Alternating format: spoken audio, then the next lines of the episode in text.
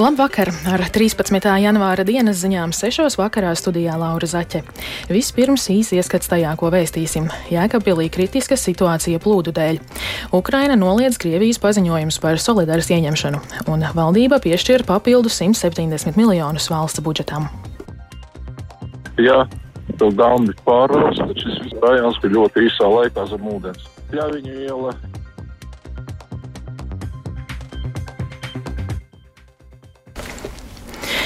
Jēkabpilī ir norobežots dzīvojamais mikrorajons un tiek evakuēti cilvēki. Ja dambis, kuram izveidojušies nopietni bojājumi, tiks pārauts, tad tas varētu būt vilnis 3 līdz 4 metru augstumā. Tā Latvijas radio pastāstīja civilās aizsardzības inženieris plūdu situācijas koordinators Jēkabpils novadē Tālis Zalva. Ja tev dambis pārvērst, tad šis viss rajons ir ļoti īsā laikā zem ūdens. Ja viņu iela, klostera iela, brīvības iela un celtnieku iela mikrorajons, liela platība. Cilvēki ir atsaucīgi uz norādītiem pašvaldības darbinieku telefoniem, zvana, interesējas, kā to labāk darīt. Un arī, kur var izvietoties uz šo periodu. Bet ir arī, protams, cilvēki, kuri atsakās no evakuācijas, kuriem, teiksim, ir vairāk stāvu privātu mājas. Bet nu, viņi tiek brīdināti par sekām un arī par to, kas ir jāievēro, ja viņi paliek. Nē, nu, iedomājieties, ja jums 3-4 metru vilnis iet pāri, kas var notikt. Ja dambis tiks pārrauts, tad tas būs 3-4 metru vilnis tsunami. Cilvēki Jēkabpilī gan neviennozīmīgi vērtē evakuāciju, kamēr vieni labprātīgi izvēlas evakuēties, tikmēr citi paliek savās mājvietās. Māja tur ir, nu, lejā viss jau nāk ūdens iekšā lejas stāvā. Jau istabās. Jā, jā, jā. Visu svarīgāko savācāt man. Viss augšā no lejas ir savākts. Vienīgi, nu, paši arī var dzīvot augšā, bet nu es braukšu. Saimnieks paliek otrā stāvā ar kaķi. Viņš jau šeit pieradis no plūdiem. Un, nu, galvenais augšā viss sagādāts ir izdzīvot jau var kādu nedēļu. Ģimene dalīsies. Nu, es tāds bailīgs cilvēks no ūdens. Galvenais, kas man uztrauc, ka elektrību var atslēgt. Un tad telefonu neuzlādēt, neko, ja nu kas, ja kāda palīdzība tomēr vajadzīga. Es labāk braukšu. Jums piedāvāja evakuēties? Nu, nebraukšu es projām. Man ir dzīvoklis, es varu aizbraukt. Ja jums smelsies mutē, jūs brauksiet uz citu dzīvokli, ja? Nesmelsies mutē. Ja jau cels grīdu augšā, tad jau nenormāli būs. Ja tur apakšā grīdu cels uz augšu. Uztraukums ir, protams, drusku. Jā. Protams, ka ir, jo mēs tepat uz krasta dzīvojam, kaut arī daudz dzīvokļu mājā. Bet nu vienalga, jo, jo paskatījos, ka te ļoti maz trūks līdz dambim un kritiskā robeža jau gandrīz ir sasniegta. Tā kā visi te uztraukušies un blakus visas mājas, blakus Daugavai dārzi jau ir visi pieplūduši. Tā kā joki nav nekādi.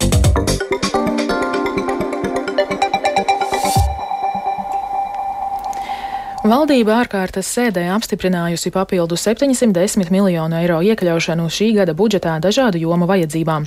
Tajā skaitā valsts aizsardzības, veselības aprūpes un kultūras pasākumiem, vairāk Jāņa Kīņša sagatavotajā ierakstā.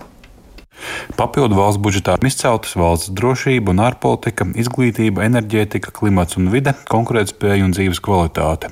Papildu pasākumu aizsardzībai ir vēl viena ātra reakcija uz Krievijas iebrukumu Ukrainā. Tā uzsvēra aizsardzības ministra Ināra Mūrniec no Nacionālās apvienības. Un vidējās darbības pretgaisa aizsardzības sistēma iegāde ir viena no svarīgākajām prioritātēm, kur mēs plānojam šo papildus finansējumu izlietot.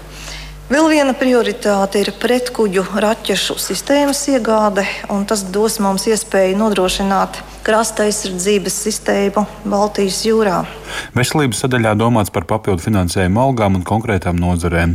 Vajadzība būtu daudz vairāk, taču galvenās prioritātes būs labāk nosaktas, mūsu veselības ministre Līga Mendelsone. No valsts prioritātēm šobrīd mums numur viens ir onkoloģija, kur, protams, ir svarīgi gan pēc iespējas agrīna diagnostika, pēc iespējas jaunākās inovatīvās zāles, gan speciālās pārtiks nodrošināšana, gan jaunu medikamentu iekļaušana šajā sarakstā. Pēc lēmuma Latvijas valsts meža peļņas daļu nenovirzīt kultūras pasākumu finansēšanai, nācies papildu līdzekļus meklēt arī dziesmu un deju svētku norisei. Tam prioritārijos pasākumos novirzīs papildu 3,2 miljonus eiro.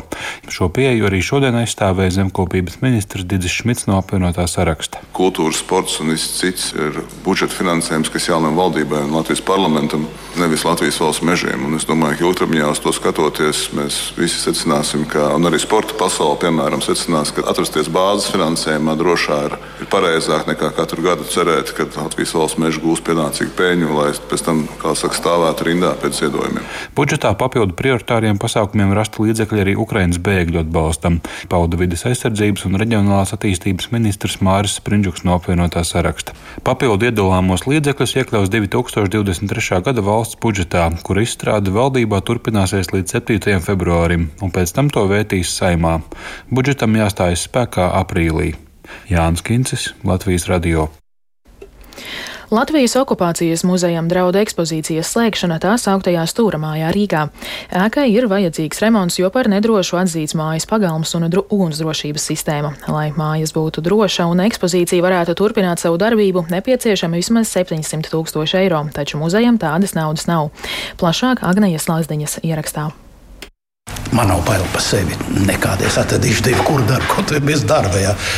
Bet, ja šo māju aiztaisīs ciet, tas būtu bēdīgi. Protams, jau uz īsu laiku nu, nekas traks, bet nu, to vajadzēs saglabāt noteikti. Tā stāsta viens no stūra mājas gidiem Aivars. Viņa prāt, bijušajā PSRS valsts drošības komitejas ēkā ierīkojuma muzejam ir tikpat liela vērtība kā brīvības piemineklim. Pagājušajā gadā Čekas pagrabus apmeklēja 40 tūkstoši cilvēku. Šeit nāk ļoti, ļoti daudz turistu. Ziemā mazāk, protams, ir, ne, bet vasarā ir ļoti, ļoti daudz un katru dienu ir ir pat 300-400 cilvēki bijuši dienā. Ja pilnīgi nespēja apkalpot, arī interese ir ļoti, ļoti liela. Pasaulē ir tāds uzskats, ja tu esi Latvijā, ja tu gribi kaut ko redzēt, tad stūrmā ir vienā top trīniekā iekšā. Ja. Tomēr Būvniecības valsts kontrolas birojas secinājis, ka stūrmāja nav droša apmeklētājiem un ēkai steidzami vajadzīgs vismaz 700 tūkstošus eiro vērts remonts. Ja tas netiks veikts, no marta muzeja darbība būs jāpārtrauc. Turpina okupācijas muzeja direktore Solvita Vība finansējumu piesaista 15-14 dienu laikā līdz 1. martam nav okupācijas muzeja jautājums. Skaidrs, ka tas nav reāli iespējams pat pie vislabākajiem ministru un valdības nodomiem. Ja Būvniecības valsts kontrolas birojas nepagarinās termiņu, tad patiešām 1. martā muzejs būs šeit jāslēdz. Es ļoti ceru, ka tas tā nebūs.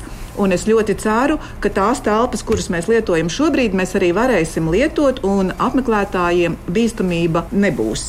Līdz janvāra beigām muzejam ir jāpieņem lēmums par ēkas turpmāko nākotni un jāatrod vismaz 300 tūkstoši eiro drošības risku novēršanai. Tas ļaus pagarināt muzeja darbību stūra mājā aptuveni uz gadu, kura laikā jāpiesaista vēl vismaz 400 tūkstoši eiro. Agnija Lazdiņa, Latvijas radio. Situācija nav jaunums, taču ir jāgaida kultūras ministrijas rīcību, tā Latvijas radio sacīja valsts nekustamo īpašumu valdes loceklis Andris Vārna vēsturiski atceramies, tad tā bija īstermiņa izstāde, kas palika uz ilgāku laiku un telpas uz doto brīdi neatbilst muzeja vajadzībām, bet gan drīzāk biroja un tādām vajadzībām, kā tās tika izmantotas, kad tēka tika eksploatēta drošības iestāžu vajadzībām. Tāpēc ir vesela rinda ar prasībām, kas būtu jāpielāgo bet mums ir nepieciešams lēmums par šīs tēkas saglabāšanu valsts īpašumā un redzējums, kā tad nozare redz šīs tēkas nākotnē. Ja mēs neatrodam risinājumu par šo finansējumu piesaisti un ja mēs to izdarām, tad mēs varam lūgt biroju pagarināt šo pielāgošanas termiņu. Ja tas nenotiek, tad 1. martā uz laiku ir jāpārtrauc ekspozīcijas darbība. Savukārt, ja mēs iegūstam šos līdzekļus, tad mēs varam lūgt biroju pagarināt termiņu un muzejs var turpināt darbu. Nesen bija arī saruna ar kultūras ministriju. Ministrs apņēmās palīdzēt risināt šo jautājumu, jo savulaik, kad ēka tika nodota izsolē, ņemot vērā, ka ēkai nebija lietotāji, saglabājot iekšā muzeja vajadzību, tad izsole tika pārtraukta un arī toreiz kultūras ministrija pieteicās būt kā koordinators šī jautājuma risināšanai.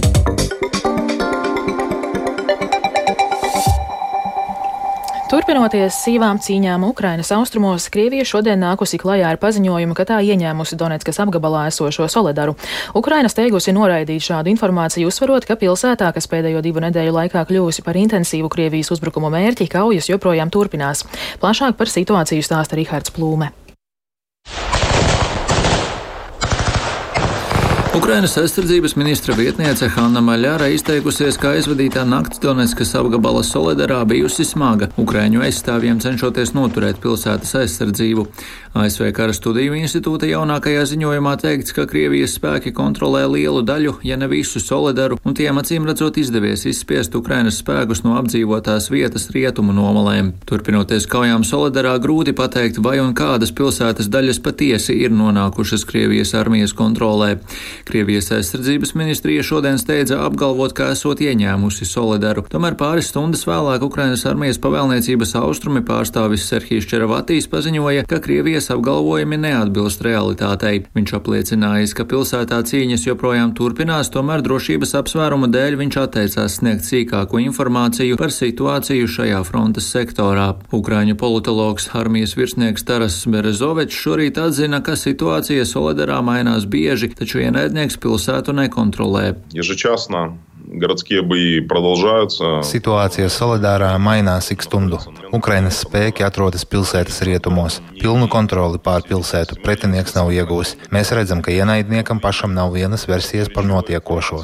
Pamatojoties uz gūstekņu sniegto informāciju un citiem datiem, varam pārliecinoši secināt, ka Solidārai tiek uzbrukts ar Wagner elites vienībām un Krievijas desantniekiem. Nekādu mobilizēto tur nav.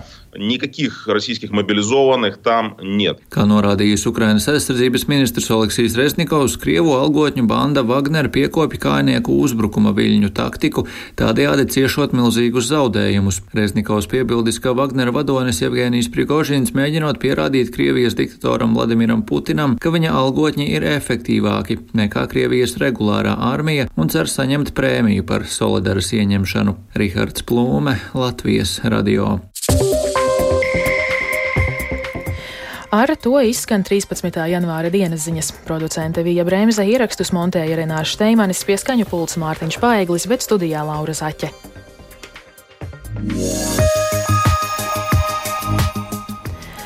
Gaisa temperatūra Rīgā šobrīd ir plus 6 grādi, pūš dienvidu vējš 6 m2, atmosfēras spiediens 756 mm, relatīvais gaisa mitrums 95%.